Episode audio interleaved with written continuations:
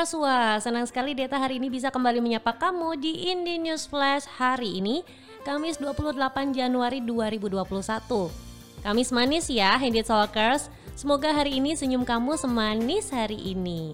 Tapi percuma dong kalau manis tapi nggak update. Nah, biar nggak ketinggalan update berita apa aja, yuk awali dulu dengan Indie News Flash hari ini.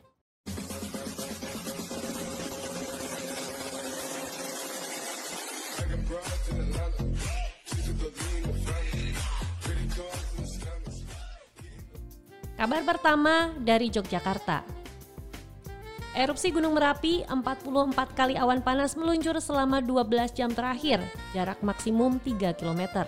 Dikutip dari tribunjogja.com, selama 12 jam pengamatan, Gunung Merapi tercatat mengeluarkan awan panas sebanyak 44 kali pada Rabu 27 Januari 2021.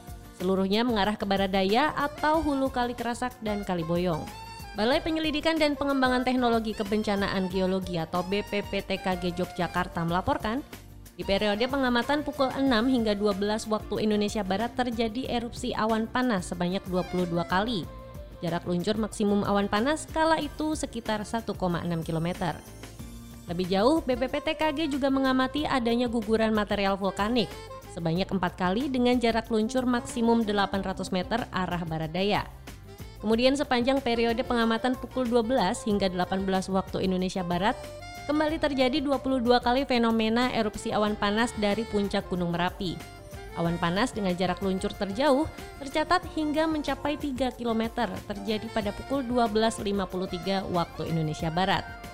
Gumbalan awan panas terus meluncur selama 317,8 detik.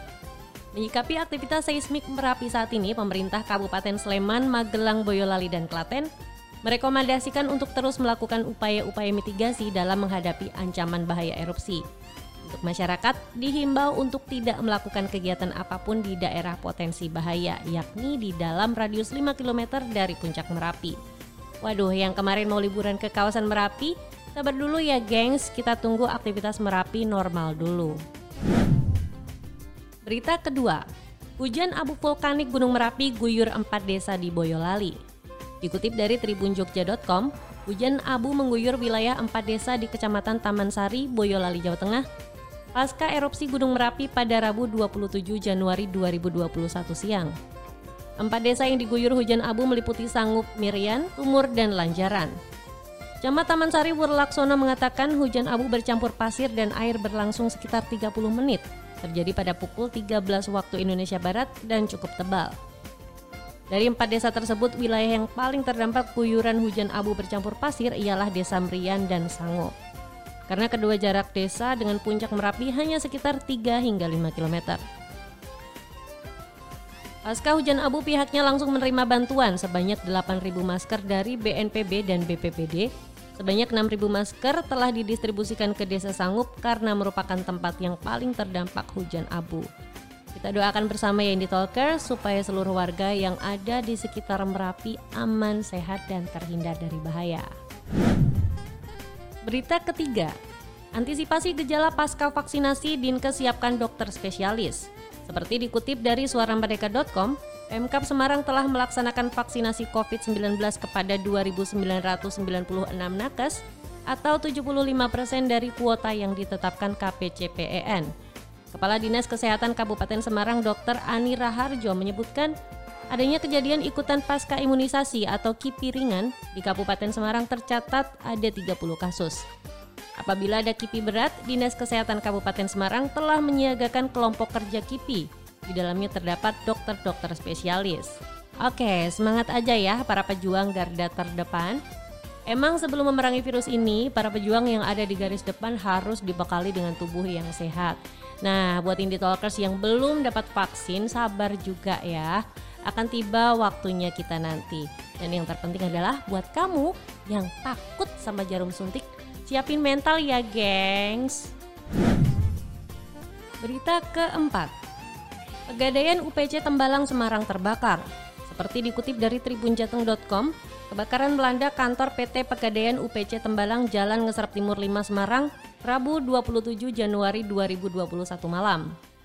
Api di dalam bangunan diperkirakan muncul dan terlihat sekitar 20.30 waktu Indonesia Barat. Dari penuturan sejumlah saksi, bangunan kantor saat itu terkunci. Dua mobil damkar Dinas Kebakaran Kota Semarang telah tiba di lokasi kejadian. Petugas pemadam kebakaran yang bisa masuk ke dalam ruangan segera menyemprotkan air ke bagian lobi dan ke arah belakang meja customer service. Tidak ada korban dalam kejadian ini. Saat ini polisi telah berada di lokasi dan masih belum diketahui penyebab kebakaran tersebut. Begitu pula dengan total kerugian dan jenis barang yang dilalap api. Waduh, ini talkers, kira-kira kamu ada yang menggadaikan barang di sini nggak nih? Semoga bukan cinta aja ya yang kamu gadaikan, Indie Talkers. Berita kelima, berikut cara Pemkap Pemalang menstabilkan harga daging sapi agar tak naik.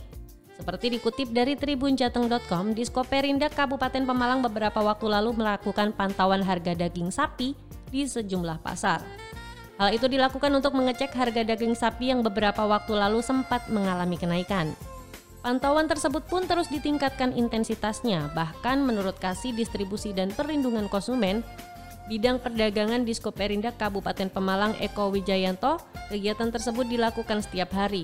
Menurut Eko, harga daging sapi di Kabupaten Pemalang masih di angka normal. Dilanjutkannya, pantauan yang dilakukan setiap hari menyasar lima pasar di Kabupaten Pemalang. Dikatakan Eko apabila terjadi lonjakan harga, Diskoperindak akan segera berkoordinasi dengan Bulog perwakilan wilayah Tegal.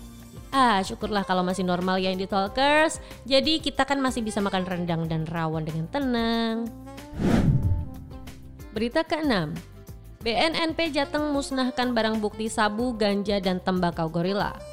Seperti dikutip dari tribunjateng.com, Badan Narkotika Nasional Provinsi atau BNNP Jawa Tengah memusnahkan tiga jenis narkotika dari hasil pengungkapan kasus di berbagai tempat Rabu 27 Januari 2021. Kepala BNNP Jateng Brigjen Pol Beni Gunawan mengatakan narkotika yang dimusnahkan yakni sabu, ganja, dan tembakau gorila. Pihaknya juga merilis ungkap kasus yang telah dilakukan. Yang pertama adalah pemusnahan sabu seberat 500 gram dan ganja seberat 2 kg. Kedua penangkapan DPO narkotika jaringan Solo di Provinsi Banten dan terakhir ungkap kasus tembakau gorila di Semarang. Adapun tiga pelaku yang ditangkap yakni berinisial HS, DWS, Oknum Polisi Berdinas Polres Wonosobo dan HCA. Salah satu pelaku berinisial IAW 24 tahun ditangkap di Banyumanik Semarang. Dari hasil pemeriksaan, pelaku telah memesan tembakau tersebut sebanyak dua kali dan dipesan melalui aplikasi online. Duh, sedih banget ya Indie Talkers, zaman lagi serba susah begini, Bukannya buat beli beras, eh malah buat beli narkoba. Gak keren tahu. Kalaupun punya rezeki lebih, mending buat berbagi ke sesama yang membutuhkan. Ya nggak sih? Berita ketujuh. Tiga wilayah di Semarang masih zona merah corona. Seperti dikutip dari tribunjateng.com, Satpol PP Kota Semarang melakukan operasi penegakan protokol kesehatan dalam rangka pemberlakuan pembatasan kegiatan masyarakat atau PPKM di Jalan Jenderal Sudirman, Rabu 27 Januari 2021. Selama satu jam operasi, petugas menjumpai 10 orang yang tidak mengenakan masker. Kepala Satpol PP Kota Semarang Fajar Purwoto mengatakan, operasi protokol kesehatan tetap digencarkan meski terdapat kelonggaran pada perpanjangan PPKM. Selain itu, penegakan perwal terkait pembatasan jam operasional juga semakin dikuatkan demi memutus mata rantai penyebaran COVID-19. Selain di sini, Fajar melanjutkan wilayah zona merah masih menjadi sasaran utama petugas dalam melakukan operasi. Jika dijumpai tempat usaha yang tidak mematuhi aturan, pihaknya akan melayangkan rekomendasi kepada dinas terkait untuk penutupan selama tiga bulan. Selain wilayah zona merah, tempat-tempat yang dianggap sering terjadi kerumunan juga akan menjadi sasaran petugas. Ia mengatakan Tembalang, Semarang Barat, dan Pedurungan masih menjadi perhatian penuhnya. Tiga wilayah tersebut masuk zona merah dengan kasus yang masih cukup banyak. Aduh, jangan sampai ya Hindi Talkers kalau tempat usaha kamu ditutup izinnya selama tiga bulan. Wah, bisa-bisa cicilan meraung-raung nih. Berita ke-8. Banyak nakes Wonogiri urung divaksin dikarenakan darah tinggi. Seperti dikutip dari suaramereka.com, banyak tenaga kesehatan terpaksa urun mendapatkan vaksin COVID-19 karena tekanan darahnya tinggi. Pemberian vaksin terpaksa ditunda sampai mereka mendapatkan kembali etiket dari pemerintah pusat. Kepala Puskesmas Wonogiri 1, Pitut Kristianta Nugraha mengungkapkan, para tenaga kesehatan tersebut mengalami tekanan darah tinggi diduga karena faktor psikologis. Pada hari pertama penyuntikan vaksin, ada 50 tenaga kesehatan yang mendaftar Di sisi lain ada tiga calon penerima vaksin yang terpaksa batal divaksin karena mempunyai penyakit tertentu. Kepala Dinas Kesehatan Kabupaten Wonogiri, Adi Dharma mengatakan vaksin tahap pertama diberikan kepada 3.730 tenaga kesehatan hingga Rabu 27 Januari 2021. Vaksinasi telah dilakukan kepada 1.369 tenaga kesehatan. Tuh kan, bener ini talkers. Salah satu faktor yang bikin tekanan kamu tinggi itu psikologis. Makanya dikondisikan itu mentalnya. Eh, tapi ngomong-ngomong, kita juga takut jarum suntik sih. Peace, peace ini talkers, peace. Berita ke-9. Muncul opsi karantina terbatas saat kasus COVID-19 mencapai 1 juta angka. Seperti dikutip dari detik.com, pemerintah menyiapkan langkah khusus usai kasus COVID-19 tembus 1 juta lebih. Muncul opsi karantina wilayah terbatas dan teknisnya masih dibahas lebih lanjut. Presiden Joko Widodo langsung memerintahkan jajarannya untuk membuat strategi penanganan corona yang lebih baik. Salah satu langkah khusus yang diminta Jokowi dalam penanganan COVID-19 tersebut adalah karantina terbatas sampai tingkat mikro di lingkup RT dan RW. Karantina terbatas rencananya akan dilakukan untuk mendalami kasus corona yang ada di suatu wilayah dan melakukan pemisahan masyarakat dengan kasus positif dengan dilakukan isolasi mandiri atau isolasi kolektif. Namun teknisnya karantina terbatas ini masih akan dibahas lebih lanjut. Waduh Bapak, kalau yang seperti ini sih Jawa Tengah udah selangkah lebih maju, kan ada Jogotongo. Berita terakhir, Tersangka kasus suap ekspor benur jalani pemeriksaan lanjutan. Dikutip dari detik.com, salah satu tersangka kasus suap ekspor benih lobster Siswadi diperiksa KPK. Ia diperiksa terkait kasusnya yang juga menjerat ex-menteri KKP Edi Prabowo. Dalam kasus ini, Siswadi merupakan salah satu orang yang ditetapkan KPK sebagai tersangka penerima suap dalam kasus suap ekspor benih lobster atau benur yang juga melibatkan ex-menteri KKP Edi Prabowo. Secara singkat, PT DPP merupakan calon eksportir benur yang diduga memberikan uang kepada Edi Prabowo melalui sejumlah pihak termasuk dua staf susnya. Dalam urusan ekspor benur ini, Edi diduga mengatur agar semua eksportir melewati PT ACK sebagai forwarder dengan biaya angkut Rp1.800 per ekor. KPK menduga suap untuk Edi Prabowo ditampung dalam rekening anak buahnya Salah satu penggunaan uang suap yang diungkap KPK adalah ketika Edi Prabowo berbelanja barang mewah di Amerika Serikat seperti jam tangan Rolex, tas LV, dan baju Old Navy. Wadah, bisa gitu ya Indie Talkers. Siapa sih yang gak mau hidup mewah? Tapi ya harus sesuai porsi kita masing-masing ya.